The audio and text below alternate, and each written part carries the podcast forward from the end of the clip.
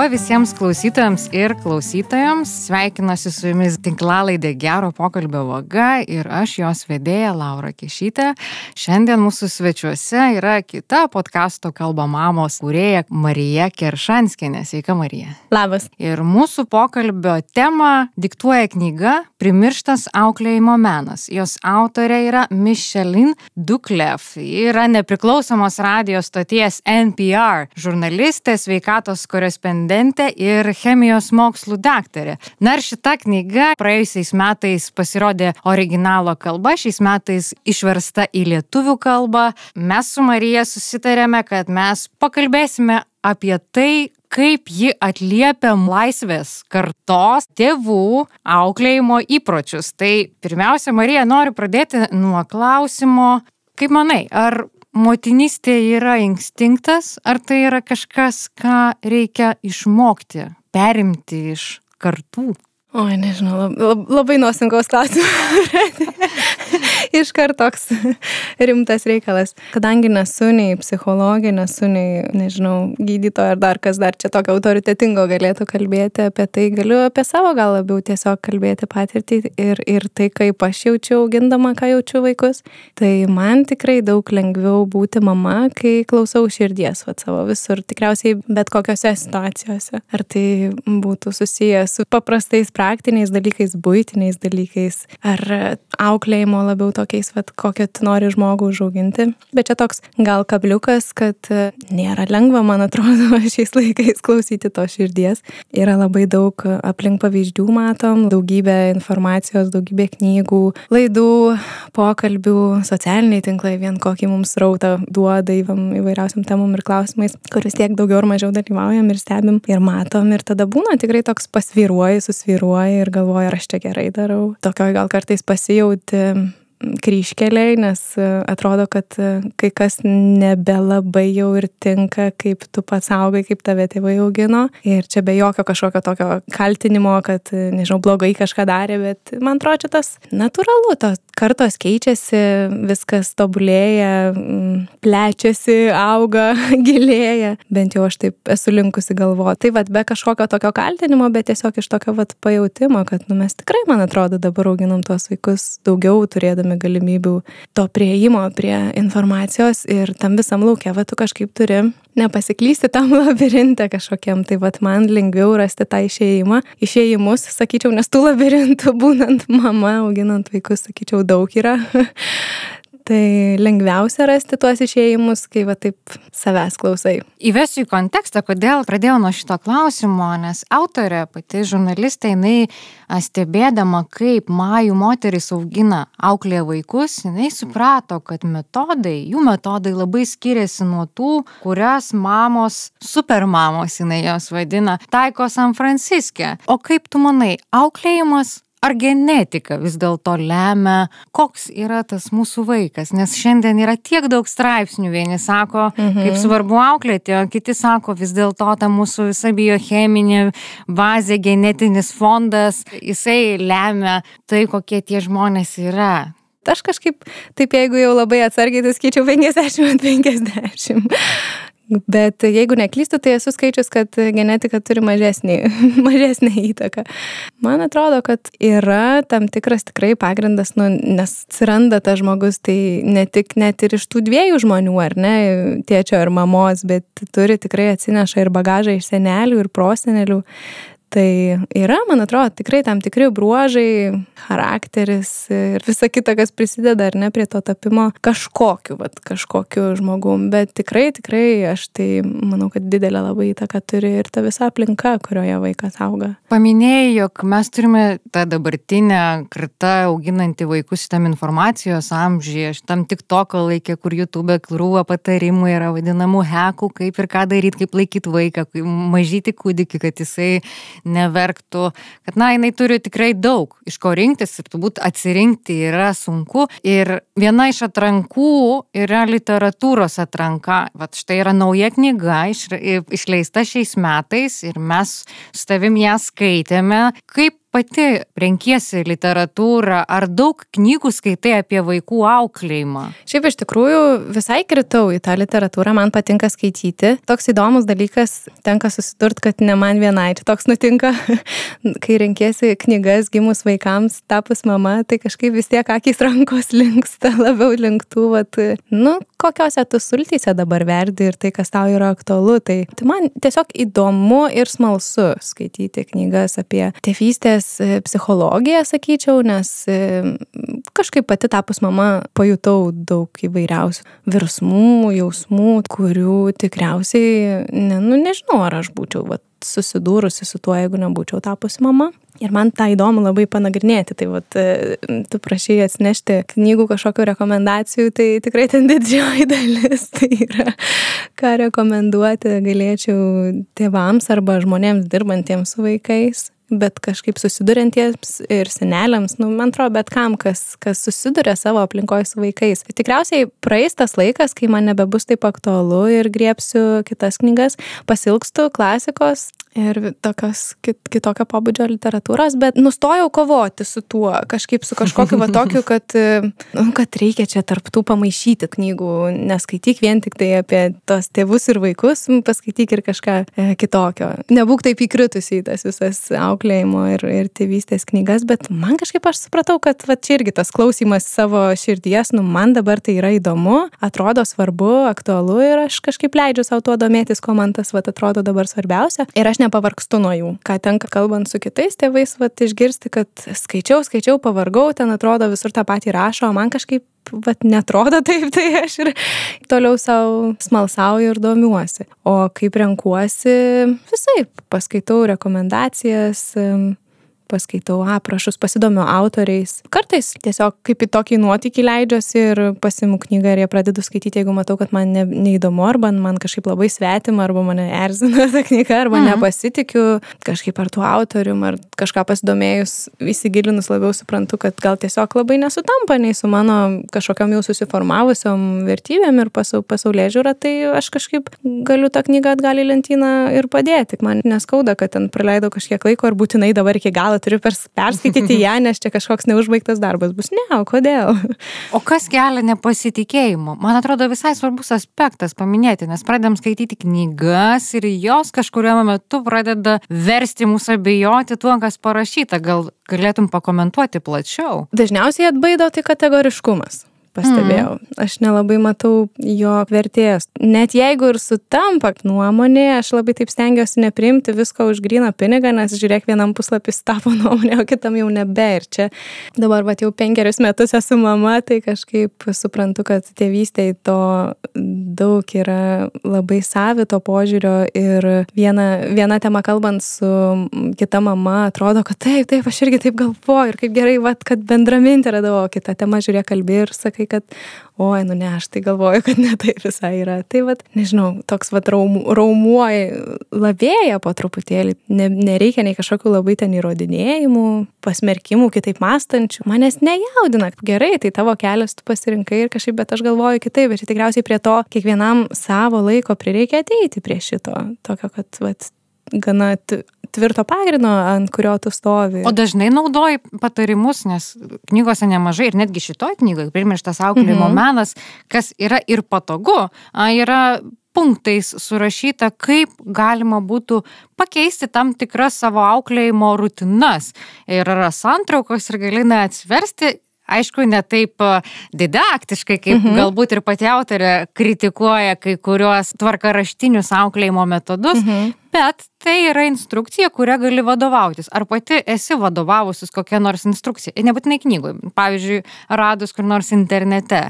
Tikrai esu. Ir dabar, va, sūnui penkeri, prieš beveik pusantrų metų dugrytė atsirado šeimoje, tai vėl visokie nauji iššūkiai, posūkiai nauji, tai tikrai naudojuosi knygomis kaip šaltiniu, tokiu tam tikrų pagalbos. Kažkaip atsirenku, kas man tinka pagal tai, ką jau esu susidėliojus mintysė ir širdį savo, va, kad kas, kas man atrodo primtina ar ne. Tai va ir šitoje knygoje buvo tikrai, atrodo, tikrai labai vertingų patarimų ir tokių, kur, kad, nu, gal ačiū, ne, bet aš to nedarysiu, nes aš tam tiesiog galbūt nepritariu. Tai jeigu va, ten apie kokį gazdinimą ar ne, nedarinėk to šaldytuvo, nes čia pabaisa iškris. Nu, kaip čia pasakyti dabar galvoju, kategoriškumas nelabai kažkaip gelbsti su, su vaikais. Man tokio, man atrodo, apskritai vaikų auginimas tai yra tokia labai gera diplomatijos mokykla ir labai labai geras apglūdinimas ir apskritai, man atrodo, jeigu reikėtų pasakyti atsakinį, tai apie ką tos knygos e, vaikų auklėjimo, tai jos iš tikrųjų, man atrodo, yra visiškai ne apie vaikus ir vaikų auginimas yra ne apie vaikus, o apie mus tėvus.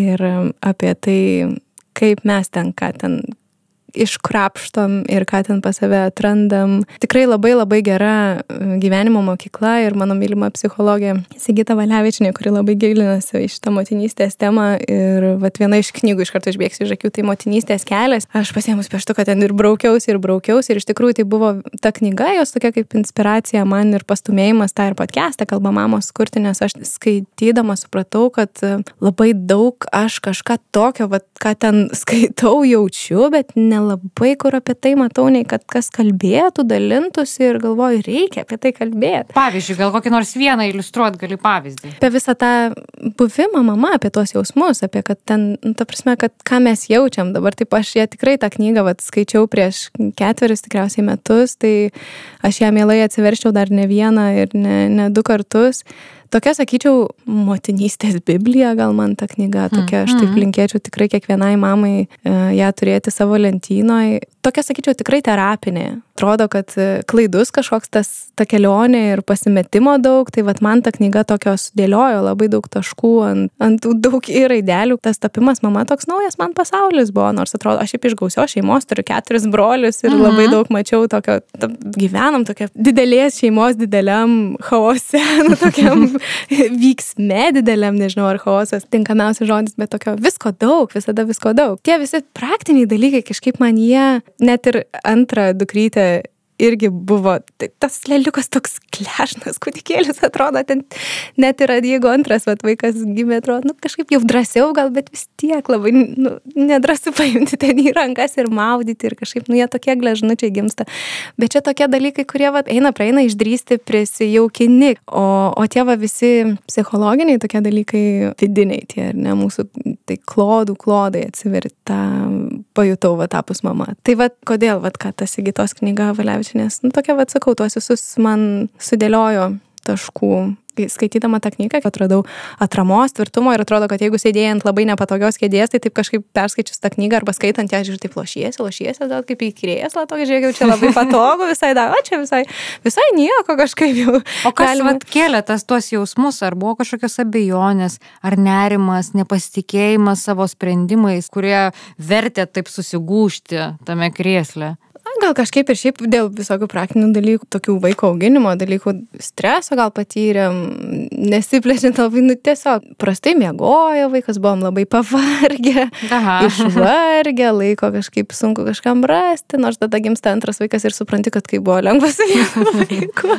Bet tikrai tokių labiau gal patyrėm fizinių tokių išbandymų. Tikrai miego mažai, pavargęs tas vaikas miega ant rankų dieną naktį ir kažkaip tie gal visi komentarai iš šono, tokie taip priverčia šiek tiek pasviruoti irgi galvoti, kaip čia trinties, tokios atsiranda, tokie, nežinau, aš šiaip sakyčiau tikrai, kad tas bent jau mums tai pirmą vaiko atsiradimą šeimoje tikrai atnešė nemažai tokio ir streso, ir pasimetimo va to tokio. Ir tada man va knygos ir kažkaip kitos mamos, kurių labai daug atradau bendraminčių ir podcastą pradėjus kurti. Tai čia tikriausiai didžiausia dovana, kurią man padovanojo podcastas. Aš sakau, jeigu ir neišvirs šitas mano podcastas į kažkokį, nežinau, čia ar didelį ar projektą, ar darbo vietos, ten kažkokios, žinot, kaip kas nors pradeda dažnai šiais laikais ką nors kurti ir būtinai turi grand didelį kažką padaryti. Ir būtent motinystės laikotarpiu yra tokie lūkesčiai, vad susirasi, tai pradėsi verslą, verslą nors, taip, taip, taip, taip startup, tai ką tu nieko nesukūrėjai, būdama.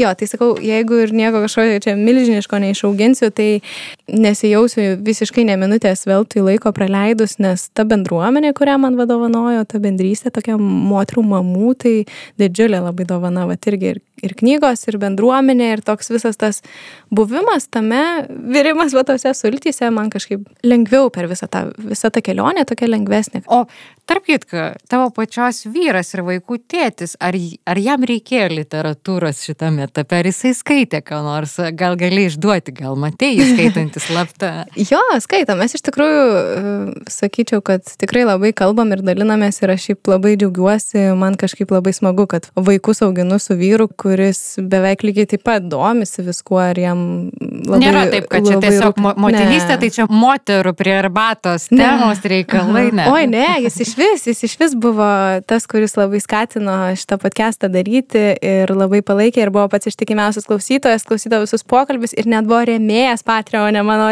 labai ilgai. Taip, tikrai kažkaip aš labai džiaugiuosi, kad šeima, kuris su žmogum, kuriam labai rūpi, kad tai nėra kažkas tik tai šalia truputį kažkiek, kai lieka laiko arba kad čia labiau tavo reikalai. Aš dar sugražinsiu mūsų į knygą, apie kurią šiandien kalbame. Ką autoriai rašo, kad, na, šio laikinės vakarietiškos šeimos, na, jas sudaro du žmonės dažnai. Mhm. Tai tėtis ir mama. Galbūt yra seneliai, galbūt jie yra kitam mieste, bet anksčiau ir ypatingai e, tose senosiose civilizacijose, majų civilizacijoje, kurioje, kurią jinai tyrinėjo ir aprašo, na, yra įprasta aukti didelėje šeimoje. Ir galbūt pas mus Lietuvoje irgi istoriškai buvo šeimų, arba mano, pavyzdžiui, senelės šeima yra iš daugia vaikės šeimos, de, dešimt ar kiek vaikų, bet globalizacija, urbanizacija, miestai, toks atitrukimas nuo tų savo šaknų, vad ir verčia žmonės vėliau toliau iš naujo ieškoti tų motinystės principų, na, nes nėra arba nebelieka to, kas perduotų tas paslaptis, vad kaip užmigdyti vaiką, kai jis nerimsta, kaip jam padėti.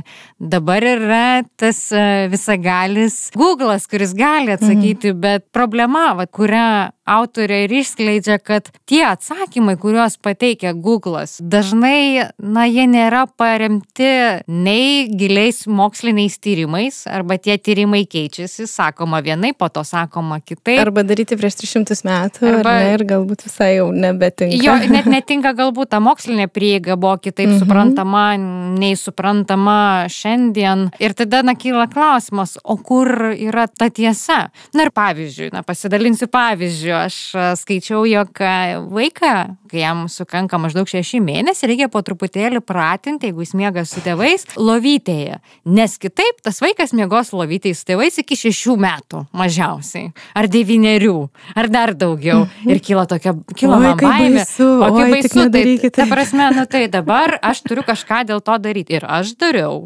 Aš dariau ir aš dar pasitikslinau, pasi, pasikonsultavau su kai kuriais pažįstamais gydytojais, sakau, kaip jūs manot, nu sako, jeigu užsispirsi, padarysi. Nu ir galvoju, gerai, aš užsispirsiu. Nu ir aš užsispyriau. Savaitę eina mėgot maždaug pusę trijų, vaikas, vaikas isterijoje, aš jį padedu paimu, padedu paimu, maždaug ant pusės trijų man, man prasideda isterija ir aš nebežinau, ką daryti toliau, bet kitą dieną aš vis tiek užsispyrusi. Jeigu man sako, kad mhm. galima tai padaryti ir taip reikia, aš tai darau. Ir po maždaug trijų savaičių draugas man sako, žinai, o dėl ko tu mus kankinė visus šitaip? Ir aš sakau, na, bet čia tai parašyta ir kažkaip aš tada supratau, kad, ai, tiek to, kaip bus, tai bus, bet, na, po tų trijų, galbūt aš čia silpna valia, galbūt aš neišlaikiau, bet uh, na netinka ir viskas. Ir kažkaip, kai nustojom daryti, aš nustojau taikyti tą metodą, atėjo laikas, kai tai nebetapo problema savaime. Tiesiog mhm. ėjo ir praėjo. Aš labai gerai atsimenu tas tris savaitės, tai buvo man gera mokykla išėjimo ir supratimo, kad na jeigu tu bandai galvą pramušti sieną ir nesigauna, tai nebūtinai tau tą sieną dabar ir reikia pramušti. Tai va, va, tokia istorija, nežinau, ar Marija, ar mhm. turėjai savo gyvenime tokių atvejų, kai galbūt sakėjai, aš žinau, kad reikia daryti taip, galbūt šeima patarė, nežinau, kitaip, arba tėvai, bet, na, va, yra tokia metodika šio laikinė ir aš ir aš pabandysiu ją pritaikyti savo gyvenime. Jo, čia daug man kartų tekia girdėti tokią panašią istoriją kaip tavo, bet mes nebent su mama tai dėl kokio žindimo biški pa, pasibadom ragais, nes jinai kaip penkis vaikus auginus ir žindžius, tai... tai jai nepatinka, kai aš sakau, kad man atrodo, kad yra kitaip. Bet kad ir kaip gerbčiau jos patirtį ir, ir visą. Bet e, čia, man atrodo, vat, ir yra apie ką kalbėjau, tas širdies toks balsas, kurio vat, kažkaip man e, lengviau viską daryti, kai vadovaujasi. Tai kartais, kai matai, kad aplinka galbūt dažnai daro kitaip, o tau, nu, vat, jauti, kad nu, vat, tau netinka kažkodėl tas būdas, tai man padeda toks, vat, nu, užsileisti žaliuzės, nepraleidžiančias šviesos iš visų pusių savo, taip kaip arklių išsidėti tuos. Aš darysiu taip, nes aš jaučiu, kad man taip aš taip noriu. Ir šiandien ryte pas mus mūsų penkiametis atėjo, į, tai labai jau neįprastas dalykas, bet mūsų penkiametis atbėgo pas mus ryte į lovą, nes jį prižadino kažkoks, nu pareičiais, ten uodas vimbintis prie nosies ar prie ausies ir jis ten kažkaip gal išsigando per miegus. Ir kaip faina buvo, nu kaip buvo, visi buvo vienoje lovoje, keturiesi. Ir taip e, nedrįsti gal sakyti, kad ateik dažniau pas mus, bet taip miela buvo, žinokit, aš tai visai nebijau, kad tie vaikai, kad ir iki pilnametystės pilnametystės pas mus ateis paryčiais į lovą.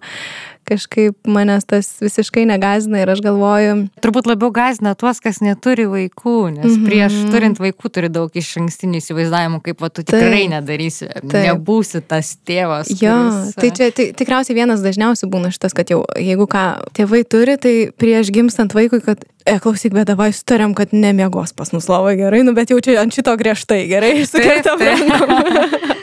tai va, tai nu, aš tai norėčiau pasakyti, kad tikrai nebijokit šito man, tai kaip žindančiai mamai, tai tas yra labai palengvinimas didelis nuo pat pradžių ir aš, pažiūrėjau, su dukrytė, tai iš vis net neturėjau progos pasiskūsti, kad aš prastai miegojau naktį nuo pat gimimo ir iki šiol aš gal suskaičiuočiau ant dviejų rankų pirštų, kai yra buvę naktų, kai kažkokios, va, gal biški pasupuot reikėjo. Tikrai, tikrai. Nežinau, ar dviejų, ar vienos rankos užtektų, bet tai nereiškia, kad tu nemigdai ten tą vaiko galbūt valandą kartais, kol jis nurimsta, ten už, užminga, ir, bet kažkaip toks irgi jau su antru vaiku matau ir toks mano raumuo ramybės ištreniruotas tikrai neblogai, toks kažkaip į daugą paprasčiau žiūri ir um, tikrai daug geriau jaučiu, vat, kad tikrai darysiu taip ir taip. Kai, kai sūnui buvo pusantrų metų, man jau atrodė, kad jūs toks didelis ir tik tai pienu čia mano gyvas ir aš jau labai norėjau nustoti žindyti ir tą ir padariau, nes reikėjo tuo metu kažkaip ir magistrą baigti ir buvo labai sunku ištrūkti ilgesniam laikui, norėjosi tokio ilgesnio, reikėjo, žodžiu, priimti sprendimą iš tikrųjų, arba mesti mokslus, į kuriuos neseniai buvo įstojus, mhm. arba, arba nutraukti žindimą ir aš taip kažkaip prieimiau tokį sprendimą, nes galvoju, kad ne, tikrai nebeleliukas jau ir nebegraužia manęs labai. Bet koks sąžinė. sunkus tai yra sprendimas, kas mhm. nežino, tai turėjo būti labai sunku. Bet tuo metu man kažkaip jau jis atrodė gana didelis didelis, ir, o dabar dukrytė va jau beveik tuoj pusantrų bus metų ir tokia mažytė galvoju. kažkaip, sakau, daug, lab, daug daugiau ramybės, kantrybės, kažkaip tas vaikas daug greičiau auga jau antras, tu matai, nes tu tikrai žinai, tu tikrai žinai, kad tas laikas greit prabėgs ir jis užaugs ir tuo išeis ir į tą savo lovytę ir tą savo kambarį ir tavęs nebereikės jau tiek ir kažkaip su antru vaiku tikrai daug daugiau man tokio pasimėgavimo, pasimėgavimo mhm. va, tokio tiekmės daugiau tokio tokios. Tikriausiai kitai būtų, tikrai kitai būtų. Čia mano toks irgi sąmoningas labai pasirinkimas, tai kuo ilgiau kiek įmanoma nedirbti stresinio kažkokio tokio gal darbo, kur labai, nu, dirbtum galbūt kitam, dėl ko aš džiaugiuosi, vad, vystydama šitą podcastą, nes man tai suteikia galimybę tokiai savirealizacijai, ne, neužpelkėti gal mano ir tiem mokslam, e, kažkokiem talentam ar ne, ir mano, aš labai patiriu daug malonumo ir atsitraukiu truputėlį, socializuojuosi mhm. ir atrandu daugybę įdomių žmonių, pažinčių ir mamų. Ir jo, tikriausiai mano daugiausia laiko prie šito podcast'o tai kai migdau, kai kažkaip gal stumdau vežimėlį, ten su telefonu, viską šiais laikais galima daryti. Taip, taip, taip, tai dirbi ir su tais socialiniais tinklais ir su viskuo, ir laiškus atrašinėjai. Ir reflektuoji ir mintis, ir pokalbėms visiems ruošiuosi tikriausiai taip ir kažkaip planuoji, tai tokio Vat tokį darbą, vat aš įsivaizduoju, bet jeigu vat reiktų kažką tokio ar į ofisą grįžti, griežtesnių, e, griežtesnė būtų dienotvarkė, darbo atvarkė, tai man būtų sunku ir aš, aš tą vat kažkaip laikui bėgant pajaučiau ir aš supratau, kad nu, aš noriu palaukti kiek įmanoma, kiek leidžia mūsų ir finansinės galimybės, ir vat, šeimos, ir kažkaip aš jaučiuosi, kad man taip yra gerai vat, auginti vaikus. Tai va čia toks irgi vat, pajautimas, iki kurio tikriausiai kiekviena, kiekvienas žmogus, ar vat, mama, tėtis turi ateiti, vat, kaip, kaip būti su tais vaikais, kaip gyventi, ypač kol, kol jie maži ir tikrai tavęs reikia daug jiems, tai čia toks kai kuriais aspektais, kad ir tas žindimas, aš kartais apie jį pagalvoju, aš ne, kažkaip manęs tas negazina, kad tam tikra prasme tai yra auka tavęs šiuo metu, šiuo laikotarpiu, šiais metais ar kiek tu tą pasirinksi, nes tu derinėsi prie vaiko, ne jis prie tavęs labiau, tai bet šitas laikas praeis. Jis praeina, tikrai žinau, kad praeina. Paminėjai va, tas veiklas, kurios įprasmina, tai galima būtų pavadinti tą savirealizaciją. Ir knygos autorė Micheline Duclef irgi tą patį kalba, kad ne mums vakariečiams yra svarbu siekti karjeros, yra svarbu išlikti darbo rinkoje, yra svarbu daryti tas savo mėgiamas veiklas. Norėjau tavęs paklausti, o tavo motinystės šitame etape kokios yra tos vertybės, kurios tau yra svarbios? Ne tik kaip auginti vaikus, bet ir kokia mama būti ir kokia būti savo, būnant mama. Kokia yra va šios jaunos, vadinkime mhm. taip, laisvės, Lietuvos laisvės kartos, kokios tos vertybės? Ar jos yra tokios amerikietiškas atsineštas tas individualizmas, ar mes dar turime ir kažkokių savo regioninių niuansų ateinančių iš protėvių? Aš jaučiu, kad man labai gera yra būti iš lėto, lietai, ramiai su vaikais, aš tada jaučiuosi geriausiai. To mėgaujosi, tai nereiškia, kad nebūna sunkių etapų, kažkokių tokių sudėtingų, kai kažkaip reikia ir paramos, atramos tokios ir pasidalinimo ir tą randu savo šeimoje, su vyru, besikalbant e, su kitom mamom ir tada kažkaip įkvėpi, iškvėpi ir žiūrėk vėl toliau judi tuo savo pasirinktų keliu. Mes visai neseniai e, su vyru kalbėjom, kad jeigu augini, tai tai vaikus prieraišiai, tarkim, ar ne, manau, kad daug kas vis tiek maždaug supranta, kas tas yra, ar ne, kol vėliau išleisti darželį, kažkaip daug laiko leisti su jais. Tai šiandien tikrai mes šiek tiek jaučiamės iškrentantis iš konteksto gal, biški baltos varnos, nes tikrai šiandien labai yra tokio vertinimo ir, sakyčiau, tavo gyvenimo kaip sėkmingo vertinimo labiau pagal tai, kiek tu pasiekiai, koks mm. laipsnis prie tavo vardo prirašytas. Kapitalas taip. netgi. Mhm. Taip, Taip. Socialinėse, gal net ir medijose. Mhm. Taip, taip, taip, taip, taip. Ar tu kažkoks įtakingas jau čia biški patapęs ar ne? Ar to gal visai nieko blogo tikrai nelinkėdami, bet nulaukia ten ir tėvai, ar ne, ir ten kuo didesnių mokslų, kuo didesnių laipsnių ir kuo, nes, nu, tikriausiai jie taip tiesiog nuoširdžiai gal nori, ne, kad, nu, prasigyventum, gyventum ir būtų tau lengviau tada viską daryti, bet um, vaikai, bent jau į mūsų gyvenimą, tai tokio tikrai daug lietumo labai į, įnešė. Ir mes vis padiskutuojam, su vyru pasidalinam gal taip labiau, um, kad vat, um, galbūt yra tas toks, kad atrodo, ten tavo bendramžiai jau ten siekia karjerų, žiūrėk, jau ten pareigos kokios atsakingos ir jau čia jie pripažinti ar ne, bet o tu kažkaip atrodo labai išlėto judi tą, tą kažkokią savo pasirinktą. Ir dar motinystė gal netgi pristabdo, iš visi metai kitą laiko dimensiją tave patį. Kitam laikė pradėti gyventi. Jo, taip jo, aš taip, nei man kažkaip baugu baisu, nei gėda, nei bijau apie tai kalbėti. Ta motinystė, tapimas mama atnešė tiek daug įdomių įdomių dalykų į mano gyvenimą ir to vat, iškrapštimo, kaip pat ir pati Sigita Valevičinė yra pasakęs vienam pirmųjų pokalbių, nes nepabaigiau dar minties, kad ta jos knyga tai ir buvo vat, pastumėjimas tą podcastą kurti. Ir ji pirmoji pašnekovė buvo ir tas pokalbis buvo toks irgi vienas iš tokių gilių labai apie visą tą, kas čia yra tas tapimas mama šiandien mums mamoms. Ir, ir jinai yra pasakius, kad vaikai iškrapšto tavo sielą ir tavo va, tą vidų taip, viską, kuri tik, kad kartais tikriausiai net ir jokia psichoterapija tau taip neiškrapštys visko. Ir aš taip tikrai panašiai, taip man ir atrodo, aš taip irgi jaučiu, kad ir va aš tai esu dėkinga už, už, už tuos visus patyrimus. Man atrodo, kad, kažin ar aš būčiau tiek visko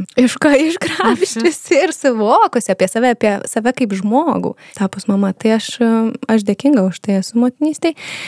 Bet tai, e, man atrodo, viskas turi savo kainą gyvenime, ką tu be pasirinktum. Jeigu tu pasirinkai kažkaip lėčiau auginti vaikus šitam greitam pasaulyje. Kur... Ypatingai dar aš mhm. atsiprašau, įsiterpsiu, kur dabar vaikų vaikų susilaukti yra, nežinau, žodis madinga ne visai, bet, na, tiesiog natūraliai gyvenimas taip pat neša, kad susilaukiama ar artėjant 30, per 30 vėliau, yra taip. tiesiog vėliau ir tada, na, jau tu iššokiai tam tikrą savo karjeros laiką, o jeigu mhm. dar tos karjeros nepradėjo, gal dar neradai savęs, o gal keliavai ir vad staiga dabar susilaukiu vaiko, gal vieno, gal kito ir tau 35 ir, ir tu kaip mokykla baigęs jautiesi, nes tu nebežinai, ką daryti, o gyvenimas jau baigėsi baigėsi.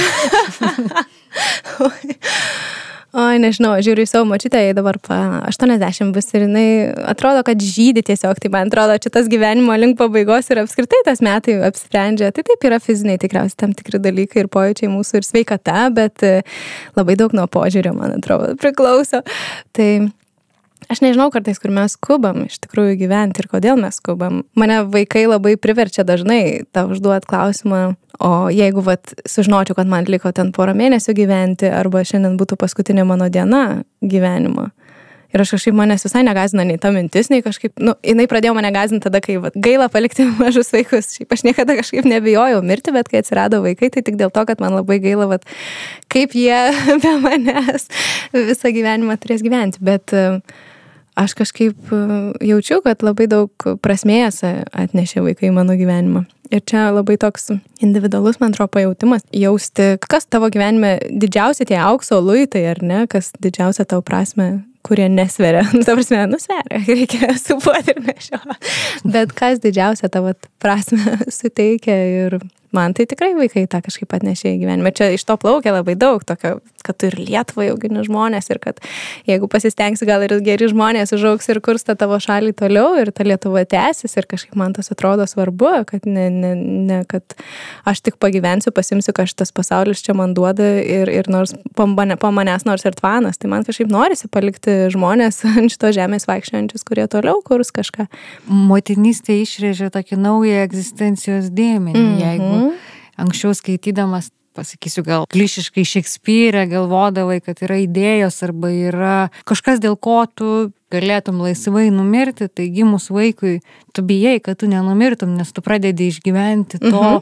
savo vaiko netekties skausmą ir jis yra toks tai. sunkus, kad tu pradedi galvoti, kaip čia vairuoji, ar, ar viską gerai darai, ar kaip sveikata tavo. Anksčiau gal galvotum, ai, nu, yra kaip yra, nu, nesvarbu, aš, aš čia dirbu, darau, gal. Kaip noriu, taip ir kaip darau. Noriu, taip darau, o dabar pradedi galvoti, kad yra svarbu, mhm. nes šitam mažam žmogui ir vėliau jam reikės tavęs kaip atramos. Tai tikrai kad, mhm, pakeičia trajektoriją. Ir kad mhm. kiekvienam žingsnėje tai esi pavyzdys. Tai čia ir apie, kodėl sakau, kad tos, tos knygos yra iš tikrųjų ne apie vaikus, o apie mus tėvus ir tas auginimas vaikų. Todėl, nes kai tu sakai vaikui, kad šaukti yra negražu ir taip suaugę žmonės, ne, ne, net nesakai, kad nesuaugę, čia apskritai tas toks, vad, gal didelis jau mažas, tai čia etiketės labiau lipinimas, bet apskritai toks, bet kad šaukti negražu, kad mes mokomės kitaip išreikšti savo emocijas ar ne ir ten muštis negražu ir tada taip tas penkiametis patyli ir sako, aha, o tai, tai kodėl tu šauki? Na nu ir ką, ir nieko neturi tokiam, ką sakyti.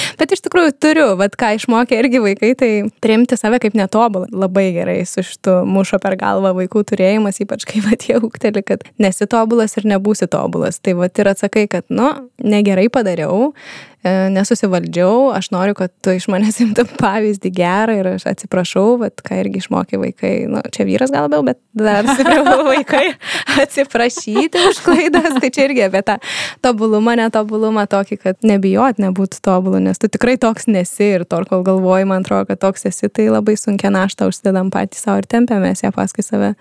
Pabaigai noriu palikti erdvės rekomendacijom Tai vieną iš rekomendacijų paliksiu aš. Labai kviečiu tęsti, tyrinėti motinystės, vaikų auginimo temą ir mes turime pokalbį su rašytoju Vytautu Vailansbergiu YouTube mūsų kanale. Pokalbis vadinasi Lydesys, praradimas ir juodas humoras pokalbėsi su vaikais. Su rašytoju kalbame apie tai, kodėl svarbu pasakoti istorijas vaikam, kaip jas kurti, kaip jas kurti spontaniškai, koks turi būti arba gali būti jų turinys, kiek kiek tame turinyje yra erdvės humorui, netekčiai ir kartu rekomendacijų noriu paprašyti Marijos.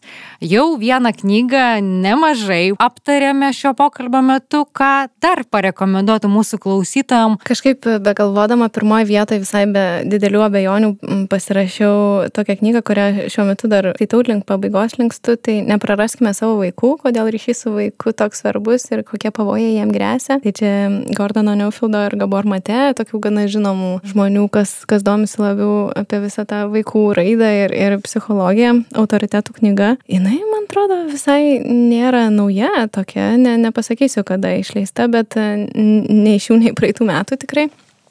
E, bet ji tokia irgi man atrodo, šiais laikais skaitant, kur vat, tam visam bėgime ir lėkime ir karjeruose ir pasiekimuose, priverčianti pagalvoti, tai kalba apie tai, kad vaikams labiausiai reikia tėvų, apie horizontalę ir vertikalę tokią santykius, ar ne, kur vat, didesnės būdavo šeimos ir daug laiko vaikai praleido su įvairiausio amžiaus žmonėm, o dabar yra labai toks su bendramžiais e, daugybė laiko ir kokie, kokie pavojai tame slypi. Ir šiaip iš tikrųjų nežinau, man skaitant tokio irgi labai suvokimo, tokio pamatymo, kad vat, taip jauti, bet šiem laikam tai nėra labai patogu. Tikrai priverčianti knyga pasukti galvą ir pagalvoti, koks mano tas santykis, kokį aš su kuriu tą santykį su vaiku, jeigu mes pabūnam labai mažai su juo ir jeigu ten, pavyzdžiui, nuo metų mes pradedame matyti su juo tik vakarais porą valandų ar ne, tai šiems laikams tokia knyga rykštė, biški man atrodo, bet e, man jinai kažkaip artima tokia širdžiai, tai aš ją rekomenduočiau ne tik tėvam tikrai, bet ir žmonėm, kurie dirba su vaikais ir apskritai savo aplinkoje susiduria. Man atrodo, daug labai knygų yra apie vaikus ir apie tėvystės, tą visą psichologiją, tinkamos tikrai ne tik žmonėm, kurie augina vaikus, ne tik tėčiams ir mamoms, bet globėjams ar ne, bet kurie dirba, mokytojams. Labai mhm. norėsiu, kad visokie auklėtojai skaitytų ir darželio auklėtojai, ir mokytojai mokyklose, ir seneliai, kad seneliai. skaitytų, mhm. taip, kurie leidžia laiko su vaikais. Tai Vasikitos Valiavičnės tikrai motinystės kelias. Tada man labai patiko Veronikos Urbonaitės 90-ųjų vaikai tampa tėvais. Daug tokio irgi ir artimo išvelgia šiandieniniai tėvai toje knygoje, kiek tenka girdėti. Tada dar labai rekomenduočiau ašaros ir pykčio priepoliai, ką daryti, kai kūdikiai ir vaikai verkia. Aleta Solter. Visų pirma, tai aš rekomenduočiau seneliam. Okay. Tada mhm. tėvam. nu, čia taip lygiai grečiai, bet labai rekomenduočiau tikrai seneliam, kurie turi anūkų paskaityti knygelę nestora apie tai, kodėl mums reikia verkti, kodėl vaikams reikia verkti ir kokia yra nauda verkimo. Tik tu į lėktuvą įsidėti, atostogom. taip, taip, taip, tokia. Tikrai labai, labai, labai gera knyga, nes tikrai vaikai daug verkia ir mes dažnai galvojam, kad e, jie verkia be reikalo, iš tikrųjų tai dažniausiai niekada vaikai neverkia be reikalo. Dar man labai patiko 30 milijonų žodžių, Dano Suskin knyga, jinai tokia irgi labai įdomi man pasirodė ir apie tai, kodėl reikia kalbėti su vaikais ir kaip kalbėti ir apie tą visą vystimas. Ir nėra jinai labai gal lengva neišsigąs, reikia tos pradžios tokios moksliškos šiek tiek, bet labai įdomi, man atrodo, toks geras irgi žinių bagažą įsimesti, kas vat, turi vaikų ar būna su vaikais. O jeigu dabar dar kelios, ne tik tėvam ir, ir su vaikais susijusių, tai man tokia gal sakyčiau, apie kurias vat, pagalvojau kelios knygos, tai Viktoro Franklio žmogus ieško prasmės, ypač šiandien mūsų šiandieninėse aplinkybėse ir laikuose gyvenant, ta knyga, kur tikrai gali įpūsti gero tokio pozityvas ta žodis netinka, bet viltis tikriausiai, gal vilties tokios ir patvirtinti tą mūsų pagrindą pakojom Ir Vandos Juknaitės, išsiduosiu balsu, man labai patiko, apskritai visos tikriausiai čia net ne. Ir ta paskutinioji jos tokia kaip autobiografija. Ta žydinti. Žydinti liepa. Yra. yra. Taip. Mhm. Galiu pasidalinti tokia jautria istorija mhm. su Juknaitė, ne, čia knygų mylėtojai vis tiek mūsų matyt klausosi. Kai perskaičiau knygą, perskaičiau pirmiausia straipsnį Gedimino Kajeno interviu su Juknaitė, tai buvo sekmadienį rytas, atsimenu, mhm. ankstyvas ir aš, pirmas dalykas, ką aš padariau, aš perskaičiau tą straipsnį ir jis mane sukrėvė. Ir aš savo socialiniai medijai, na, parašiau komentarą, kad kaip noris, kad tas pasaulis, juk naitės pasaulis, pas mus neužeitų. Toks jautrus buvo tas mano komentaras ir nepatikėsi, po dienos aš gaunu skambutį iš savo draugės, kuri pasirodo yra Juknaitės dukterėčia ir kuri paskambino ir perskaitė tą komentarą ir aš gavau grįžtamą į ryšį už tų uždarytų durų ir aš tą mhm. galvojau, wow, kaip nu netikėtai kartais susišaukia tos mhm. mintys. Ir tikrai, vat, paantrinsiu tau nuo nuostabiai jautri knyga ir ašara ne mhm. vieną gali priversti išspausti Mm. Tai va. ja, kai noris tokio gero, gero, ne per ilgo, bet kažkokio tokio sujudinančio labai mm -hmm. viską ten viduje, tai juk naitė yra tas tikriausiai žmogus, kurio knygas galima imti. Gal kai tokio pasigesti gyvenime labai labai tikro, tikrumo, be jokio pasaldinimo, be mm -hmm. jokio, vat, tai va, išsitraukti juk naitę. Ačiū Marija už pokalbį ir labai gera pabendrauti su kita podcasterė ir e, labai linkiu tau sėkmės tolimesniuose tavo projektuose. Kviečiu klausytis mūsų kitų tinklalaidžių ir užsukti į Marijos kanalą ir ką. Iki kitų sustikimų kitose formatuose. Labai ačiū. Iki.